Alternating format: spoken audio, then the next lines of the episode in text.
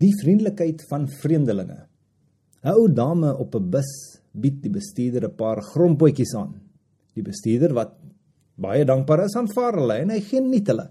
En elke 5 minute gee die tannie vir hom nog 'n handvol grondpotjies. Die bestuurder vra: "Nou tannie, hoekom eet tannie hulle nie self nie?" "Ag," sê die tannie, "ek kan hulle nie kou nie. Ek het nie tande nie." Ja, en die bestuurder skip sy skud sy kop en Maar hoekom koop tannie hulle dan?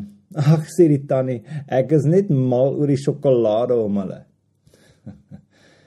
Dankie dat jy by ons aangesluit het op vandag se episode van Beter Besluite, Minder Hartseer. In vandag se episode sal ons daarna streef om inhoud te verskaf wat jou sal help om beter besluite te neem en seker te maak jy eindig waar jy wil wees in jou lewe of dat jy definitief nie daar aankom waar jy reeds nou weet jy nie wil wees nie.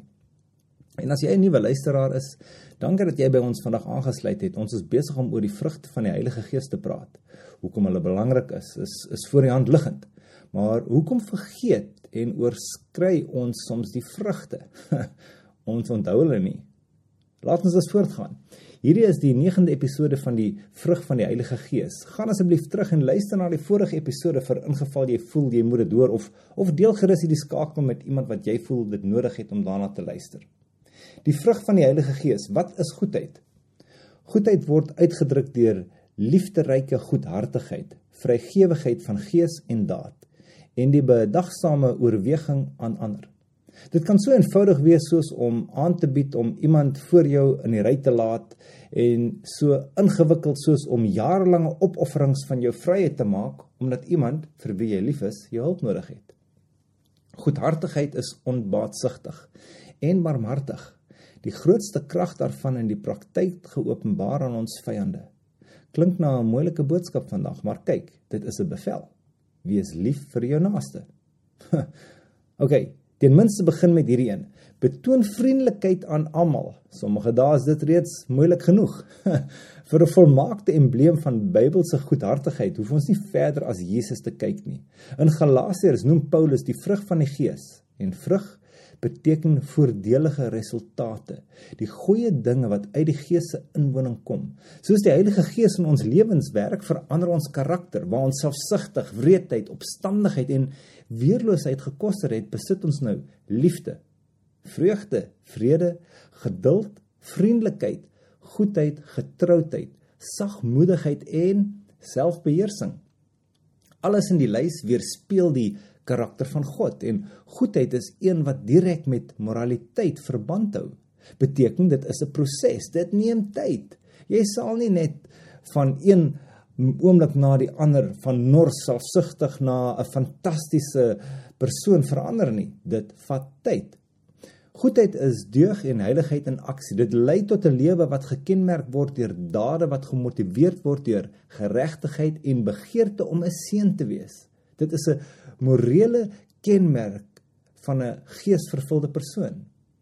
En die Griekse woord word met wat met goedheid vertaal word agat agathosune word gedefinieer as opregtigheid van hart en lewe en die goedheid tot voordeel van ander nie goedheid bloot ter wille van deugsaamheid nie iemand met goedheid sal onbaatsigtig namens ander optree om iemand oor 'n sonde te konfronteer demonstreer goedheid so ook om aan die armes te gee vir mense kinders te sorg die siek siekes te besoek om vrywillig op te ruim na 'n storm of na 'n vloed en om vir 'n vyand te bid. Uitdrukkings van goedheid is so uiteenlopend as wat die Gees kreatief is. Moenie toelaat dat ander jou goedheid beïnvloed nie. Paulus se briewe sien ons dat hy 'n profetiese gees was toe hy geestelik gesproke het met mense gewerk het, selfs diegene wat babas was. Hy het geglo dat net soos God se goedheid hom gelei het uh, om te bekeer, hy dieselfde goedheid in sy bedieninge moet toon en dit sal dieselfde uitwerking hê op diegene wat hy dien. Goedheid is gevul met God se wysheid. Ons eie hardheid moet sterf. Die enigste manier waarop ons meer sorg, liefde, goedheid en deernis vir ander kan kry is deur te sterf aan ons eie hardheid, egoïsme. Daar is warmte en goedheid nodig vir iets om te groei. Jesus het gewys hoe die Vader was deur 'n vol genade en waarheid te wees. Die kerk van Christus is nie gebou deur 'n sterk menslike wil en persoonlikheid nie. Wanneer ons aan die ander dink, moet dit 'n dankbaarheid, goedheid en vreugde wees en ons moet vir hulle bid. Wees dankbaar. 'n Teken dat ons 'n goeie verhouding met mekaar het, is dat ons harte vol dankbaarheid is.